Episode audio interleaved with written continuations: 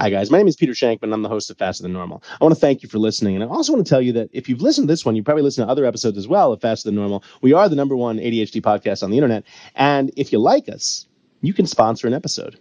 Head over to shank.mn slash sponsor. That's shank.mn slash sponsor. It is a lot cheaper than you think. You'll reach uh, about 25, 30,000 people an episode and uh, get your name out there. Get your brand out there, get your company out there or just say thanks for all the interviews we brought you over 230 interviews of CEOs, celebrities, musicians, all kinds of rock stars all around the world. From we've had God, who have we had? We've had Tony Robbins, Seth Godin, Keith Krach DocuSign. We've had Rachel Cotton. We've had uh, the band Shinedown. Right? Tons and tons of interviews, and we keep bringing you new ones every week. So head over to shank.mn slash sponsor. Grab an episode, make it yours. We'd love to have you. Thanks for listening. Here's this week's episode. Hope you enjoy it.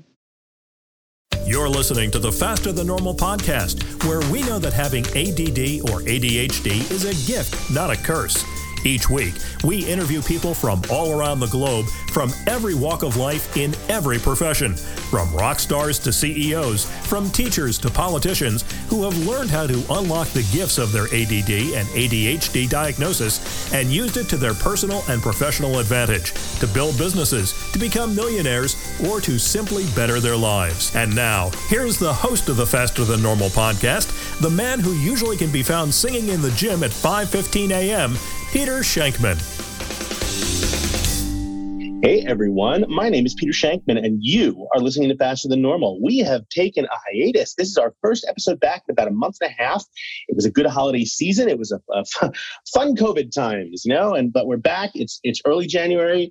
Daughter's homeschooling again, and we are thrilled to be back with all new episodes. We have some incredible episodes that we've already recorded coming down the pike. You're going to be very, very happy with what you hear in the new year. So I hope you guys are safe and well and vaccinated.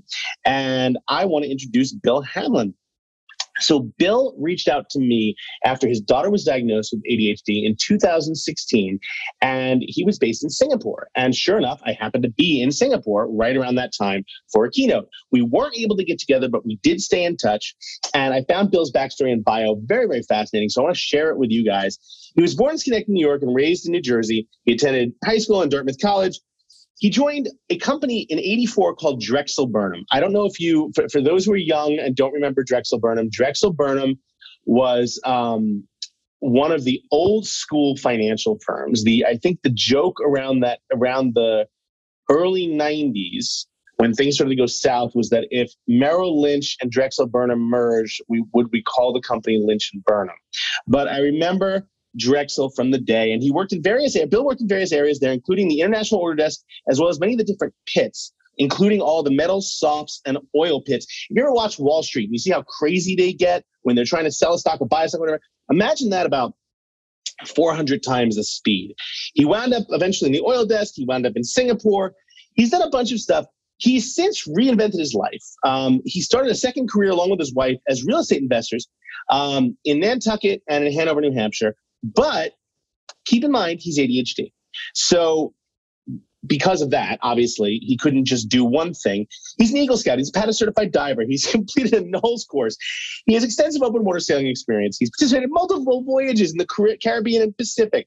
He's also chair of plan giving for the class of 84 at Dartmouth, the VP of Association of Plan Giving chairs at Dartmouth, and has served in many other volunteer roles. Bill, welcome. You sound about as crazy as I am, so it's great to have you. Thank you, Peter. It's funny, my wife jokes that I overschedule myself. And I always say, well, I just schedule the, my maximum ability. And then you come to me with extra things to do. And that's when I get overtaxed. exactly. And I'm sure that goes very well. I'm sure that goes over very well when, when you, oh, when yeah. you explain to her that. so, one of the things that I find fascinating, you work the trading desks, right? And, and I mean, you started a, you know, after you left Drexel, you you, you joined Westport Petroleum and you the Singapore and London offices. You started a clean product trading desk there, specializing in the international arbitrage of jet fuel, gas oil, various grades of gasoline, and alkylates. Basically, you were doing stuff where if you fell off the ball, we're talking millions or billions of dollars wiped off the balance sheet in half a second. So what I what I'd love to know, and I'm just dive right into this, how are you able to, I mean, I know hyper focus is a thing for people like us, but that would scare the living crap out of me. How were you able to hyper focus that well? Um, it's funny. I, I, would almost put it in the. I, I, w- I would reverse that. That when I first got into commodities, everything suddenly made sense. It was like a the Rubik's cube pieces fell into place. The what what to some people looks like total chaos to me was order and the sitting on a desk with a bunch of phones ringing you know sao paulo brazil would call hong kong would call and you have to place orders in all the various pits. It was easy to me. In fact that was fun. It was like a big game. So i always feel like i never worked a day in my life. All i did was basically play games. The games happened to be commodities and but it was making order out of chaos that just seemed um, soothing in a way. And so, what to, from the outside looked stressful to me seemed like fun, like a big game, really. And then going down to the floor, the you know I, I was kind of in a commodity training program, so I worked in every pit, learned about every you know orange juice, cotton. Someone was out, you'd have to go over there, then go to the gold pit, and you know all that chaos was it was just a big game uh, to me at least, or it seemed like a big game. And the game was to make as much money as possible. Um, at that point, though, I was just clerking; I wasn't trading, and um, it, you know. But I, I basically found my home, and I, and I think, in fact, if you go to a lot of, you know, Wall Street companies or commodity companies, and you look in the trading desk, you'll see a bunch of guys with ADHD a couple of sociopaths, maybe a psychopath, um, and, a, and a bunch of engineers kind of keeping it all together. But there's a huge concentration of people with ADHD in commodities, and um, it's it's not a given, but you you can see them. It's just clear as daylight. So um, is it um, one of those? It's one of those places where the faster brain really thrives. Oh, absolutely. In fact, it's funny. A couple years ago, um, I have a, a, former colleague. He went to Duke, really, uh, really played lacrosse there. Um, and I was joking. I asked him about ADHD, and he looked at me like I'm an idiot. Like, of course I've got ADHD. I mean, that that's how accepted and common it was. Um, yeah, and so there's a lot of people that that seem to gravitate um, to that type of chaos and that and find it find harmony there. I'm curious as to how do I phrase this? When, when I get into a zone, when I'm doing something that I truly love, let's say I'm on a plane to Asia and I'm writing, I'm writing a book or something like that. I get into a zone and I just sort of have this, I guess the best way to put it is this, this quiet hum in my head that is my, call it my hyper focus hum, right? And, and it just no matter what chaos is happening, no matter whether there's turbulence or whether the flight attendant comes over with food or whatever the case may be, two people are fighting behind it, doesn't matter. That hum is keeping me zen and focused. Did you find that? The same thing was there oh. something about the pits that gave you that sort of hum, for lack of a better word? Well, I would, uh, I get what you're saying, but it's funny in a, in more realistic terms. When I was in Singapore, I'd be on the desk in a conversation, looking at a spreadsheet, you know, maybe calculating what something's worth, but on the phone at the same time talking to someone. I'd look up and it was, you know, 1020 and there was no one else on the desk because we had a meeting scheduled at 10. And I just didn't, I would not even notice. Everyone could leave the room. I'd be there, and then I would. But it, it didn't just happen once. It happened, you know, over and over and over again. And I, I had to really work hard to to get out of that hyper focus. But I know exactly what you mean.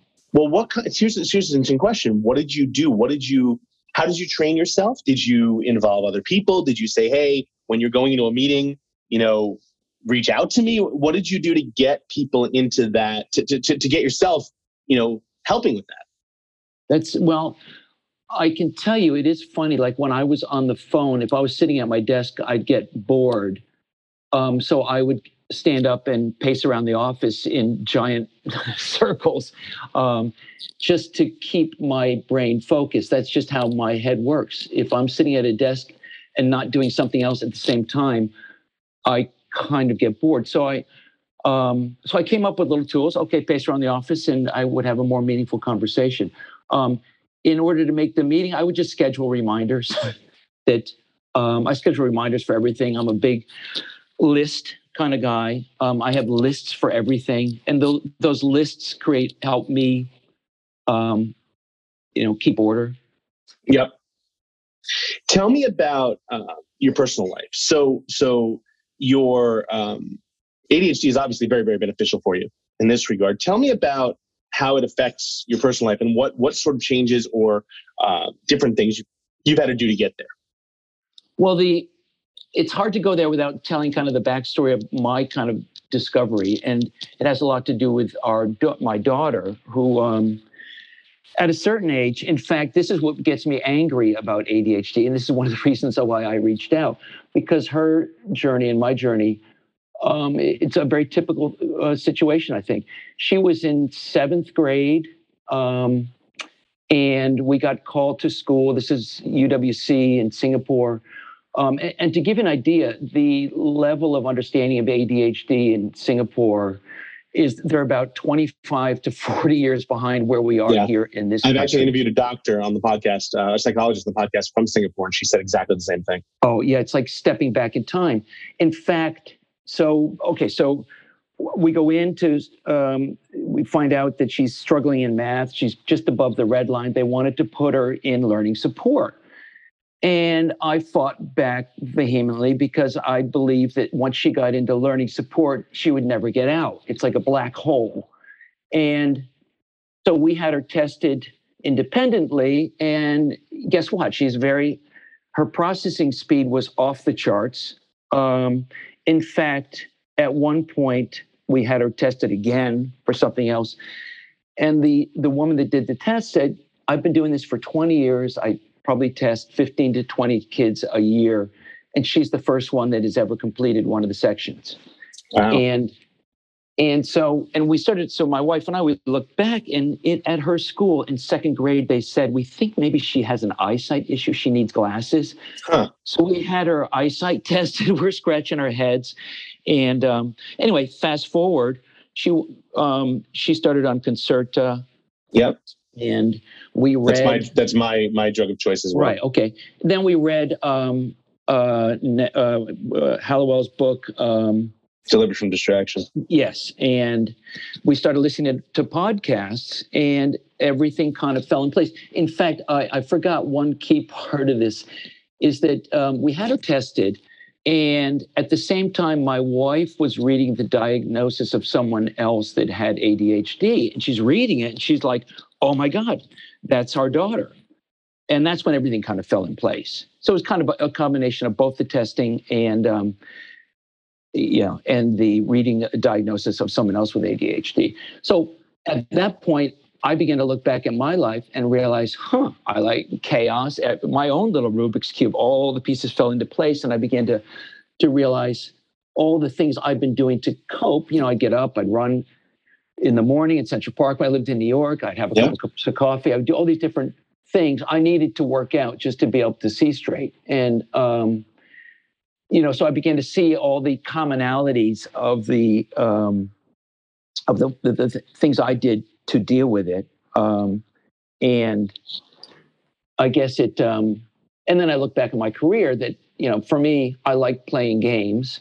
I like eating good food. I like drinking good booze, and commodity trading kind of combines all oh, of those things that I enjoy. And so, like I said, I never felt like I worked a day in my life. It was all kind of a big fun game to me. Um, so it's kind of perfect for someone with ADHD.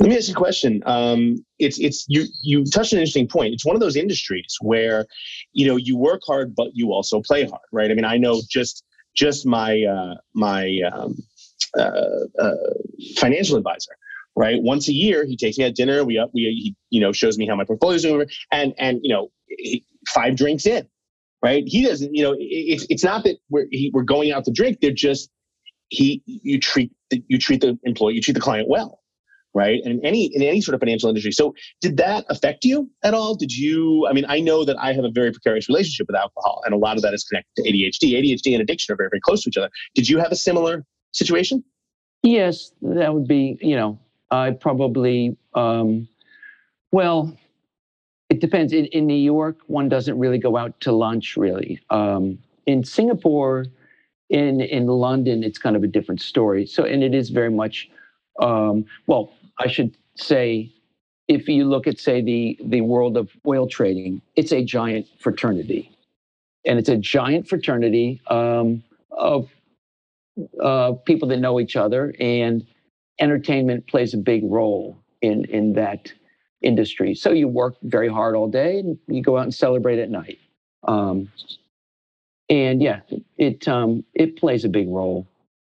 It never it never affected you to the point where you're like, okay, I probably shouldn't do this, or I should cut back, or anything like that.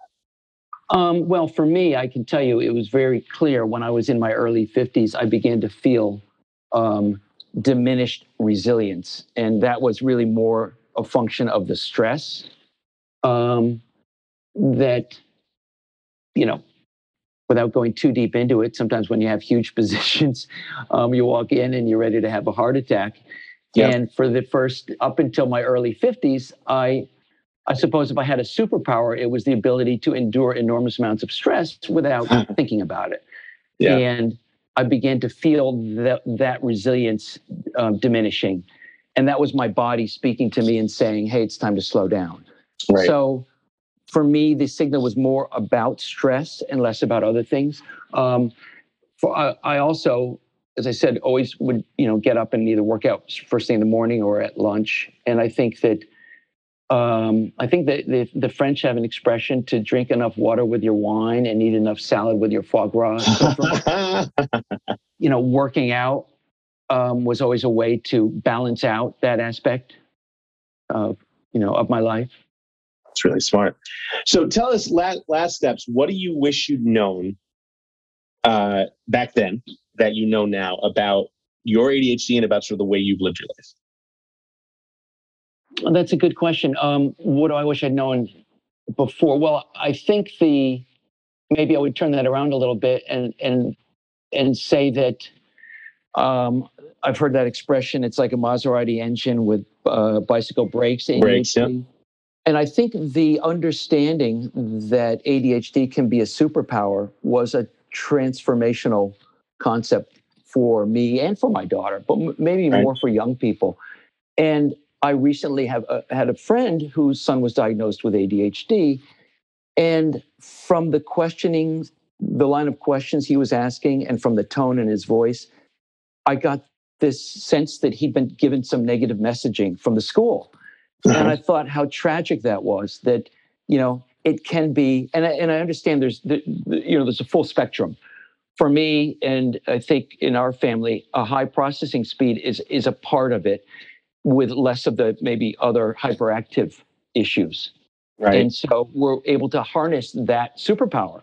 And I get that it it's different, you know, everyone's a little bit different and that there are more difficult challenges that some people face. But I think the understanding that um, ADHD really can be a superpower is such a powerful message. And in understanding that, figuring out how to channel that energy into the right direction. I, I think I was simply lucky to find something where I was able to channel it appropriately. Um, I don't think my knowing that I had ADHD would have helped me find. I kind of stumbled into something that I loved, and but I think that um, I think that you know to understand that people with ADHD have a superpower, and it's important to try to find things in life, well, ways to to live with it, but also ways to channel it.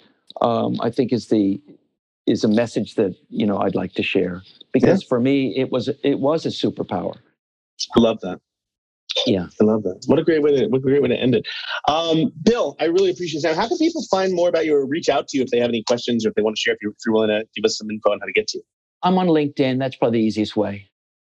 Sounds good, and we'll put the we'll put that link in the in the show notes. Uh, it's under William Paul Hamlen. Bill, Bill, thank you so much for taking the time. I really, really appreciate it. Your uh, first interview of the year, and it was definitely a good one. We'd love to have you back in uh, several months as well. Tell, tell us what else you're working on. All right, Peter. Thanks. Awesome. Happy New Year. Thanks again, guys. As always, you're listening to Faster Than Normal. We love that you're here. Welcome back. This is going to be a really great year. We have a lot of new things coming up. I'll tell you right now, we have some open space. You want to be on the podcast? You think you have an interesting story? Let us know what it is. We'd like to hear it. And we'll interview you. We'll put you on. I'm sure if, it, if it's interesting to us, it's interesting to other people out there. And you can help tell that story and share that ADHD is a gift, not a curse. We've been saying that since day one. We'll see you next week. Stay safe, stay healthy, wear a mask. Bye bye, guys. You've been listening to the Faster Than Normal podcast. We're available on iTunes, Stitcher, and Google Play, and of course at www.fasterthannormal.com. I'm your host, Peter Shankman, and you can find me at petershankman.com and at Peter Shankman on all of the socials. If you like what you've heard, why not head over to your favorite podcast platform of choice and leave us a review? The more people who leave positive reviews, the more the podcast is shown, and the more people we can help understand that ADHD is a gift, not a curse. Opening and closing themes were performed by Stephen Byram, and the opening introduction was recorded by Bernie Wagenblast. Thank you so much for listening. We'll see you next week.